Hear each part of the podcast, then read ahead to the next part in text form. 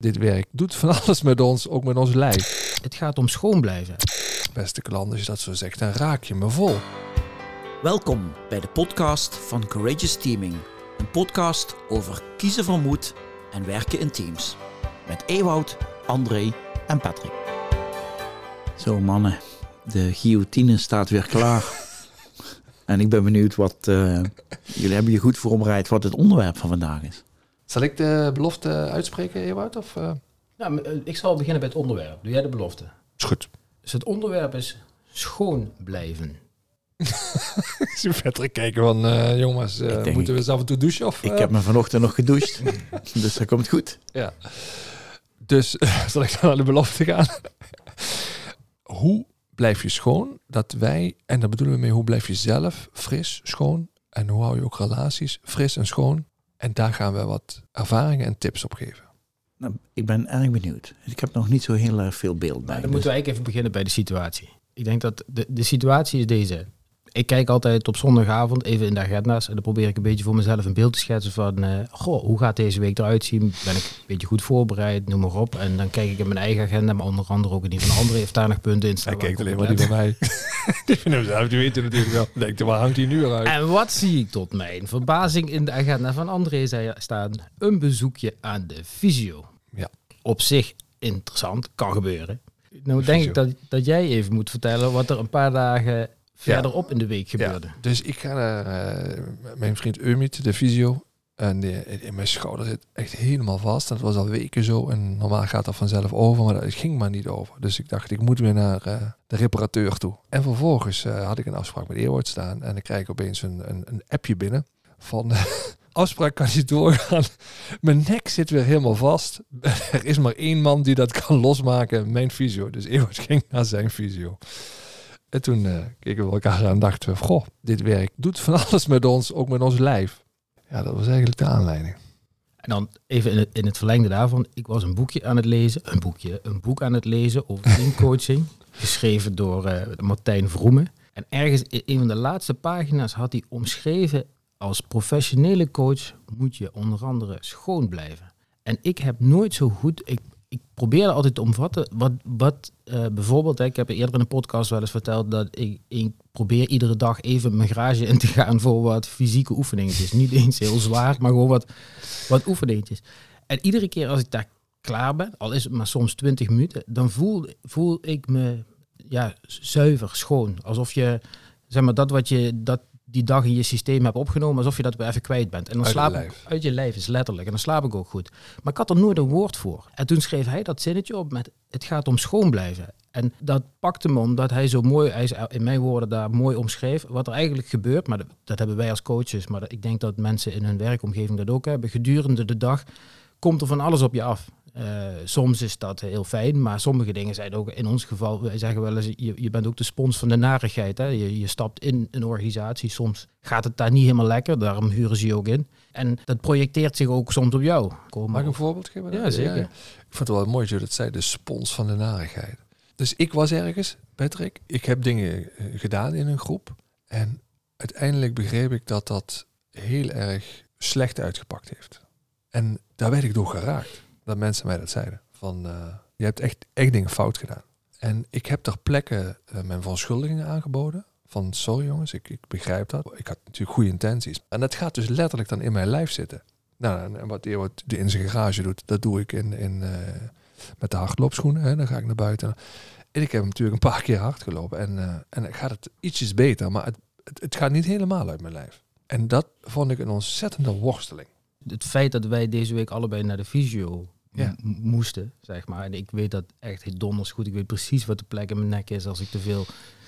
Nou, als er te veel in mijn systeem gaat zitten, dan, dan Ja. voel ik het en pats, opeens springt het vast. Ja, dat is letterlijk wat ik jou zeg. Dan weet ik dat ik twee Ja. dingen moet doen. Ik moet naar die fysio, want die kan het loskrijgen. En ik moet zorgen dat ik op een of andere manier dat uit mijn systeem krijg. Maar wat ik ook merk is, als je in zo'n fase zit, en noem maar even dat, dat je even niet schoon bent, dat er te veel onder de huid speelt, eh, eh, te veel in je systeem zit, dan wordt het ook heel moeilijk om heel begripvol de goede intenties van de ander te zien, Ja. ook vanuit onze positie. Ja. Als je schoon bent en je krijgt verwijten op je afgevuurd, dan lukt het mij wel eens om het onderscheid te maken tussen, hey, gaat dit echt over mij of gaat dit over wat er in de groep speelt en, en, en moet ik daar iets mee? Terwijl op het moment dat ik in zo'n modus zit, dat ik niet schoon ben, dan maak je dit veel snel, veel persoonlijker en ga je ook veel minder effectief handelen daardoor. Ja. Nu dacht ik toen jullie dat daarnet mee begonnen van schoon, het, het, eh, ik had het woordje fit in mijn hoofd. Bedoelen jullie niet fit zijn? Maar nu merk ik dat het veel meer gaat over mentaal blanco worden of zo. Ja, dat is het. En, Dus- en, en die koppeling tussen mentaal en fysiek, die zie ik daar ook wel in. Ja, maar dus wat ik, wat ik zelf echt merkte is als we over het woordje fit praten, dan praten mensen vaak over eh, mijn uithoudingsvermogen, over mijn kracht. Terwijl dit gaat over dat je weer even vrij wordt van nare gevoelens die in je systeem opgenomen worden. Dat je vrij wordt van eh, ineffectieve gedachten die misschien wel daarmee gekoppeld zijn. Of letterlijk lichamelijke sensaties. Hè, waar je lijf voel je spanning en kan, die er weer een beetje uit, zeg maar. Dus ik denk dat er daar veel meer op zit. En toevallig, voor mij is de ingang om dat te doen via allerlei fysieke oefeningetjes. Maar gisteren aan het eind van de dag sprak ik iemand, eh, een coachie, en toen vroeg ik aan hem gewoon uit interesse, als ik je dit nou zo vertel, wat doe jij nou? En tot mijn verbazing, die zei, voor mij is dat echt na het werk terug in de auto zitten, eigenlijk hopen dat ik de file inrij, omdat ik dan heerlijk muziek op kan zetten en helemaal op kan gaan in die muziek. Dacht ik, ja, misschien Ja. Is, is dat ook wel een, een methode. Hè? Dus het, het gaat er maar over om hoe krijg je dat wat je die dag als spons in je opneemt weer uit je systeem. Ja. Ik denk ook even dat er nog iets bij mag. Hè? Dus dat, dat fysieke, dat sporten en iedereen zijn eigen manier. Ik geloof ook dat reflecteren, in ieder geval voor mij, daar een belangrijke rol in speelt. Dus voorbeeld, vanochtend had ik het weer. Werd ik bevuild, zou ik maar zeggen. Ik vertel aan mijn vrouw eh, eh, waar een restaurantje zit. En zij laat mij duidelijk merken, jouw manier van uitleggen, daar kan ik echt helemaal niks mee. Zo van, ja, I'm totally lost. En ik denk, kom bij mij allemaal slechte gedachten van, het ligt gewoon aan jou, niet aan mij. En uiteindelijk heb ik voor mezelf door, ja, ze heeft hier gewoon nu een punt. Dus ik ga naartoe zeggen, ze hebt gewoon helemaal gelijk. En dan kan ik haar omarmen en dan is het weg. Nou, dat is de snelle versie, maar ze zei, oh, je kunt het, er moest ik eens tussendoor, je kunt het nu ook, in ieder geval voel ik iets van herkenning. Kan ik het herkennen? Dus taal en reflectie heeft daar voor mij ook veel mee te maken. En dat toen ik mijn voorbeeld vertelde net, van waar ik dus iets fout doe en ik krijg het maar niet weg bij mezelf en bij de ander, dan bespreek ik dat met Ewoud. Dan vertel ik iets van een gesprek en dat ik zeg, goh, ik heb tegen de klant gezegd van, eh, jij beschuldigt mij. En dan zegt Ewout, terwijl ik dat zo met hem bespreek, goh, door do- die woorden te kiezen, beschuldig je de ander ook weer onbedoeld. En ik, chips, weet je ja. En wat is beter, en dat had ik dan aangezegd, goh, beste klant, als je dat zo zegt, dan raak je me vol.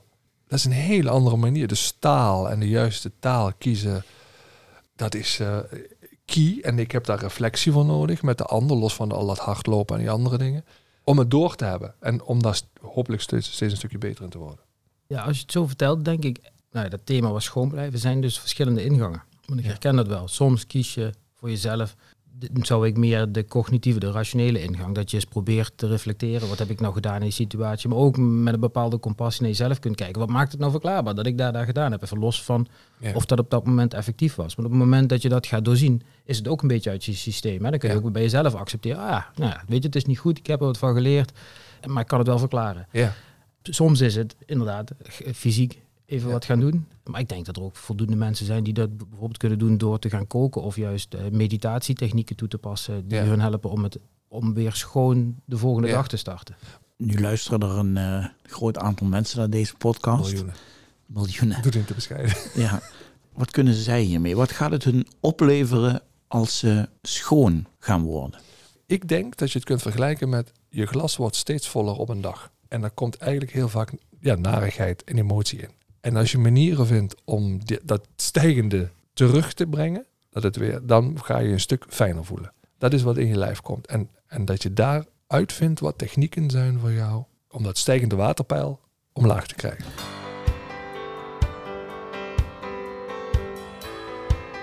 Ga voor meer informatie over Courageous Teaming en het werk van Ewout en André naar www.courageousteaming.com.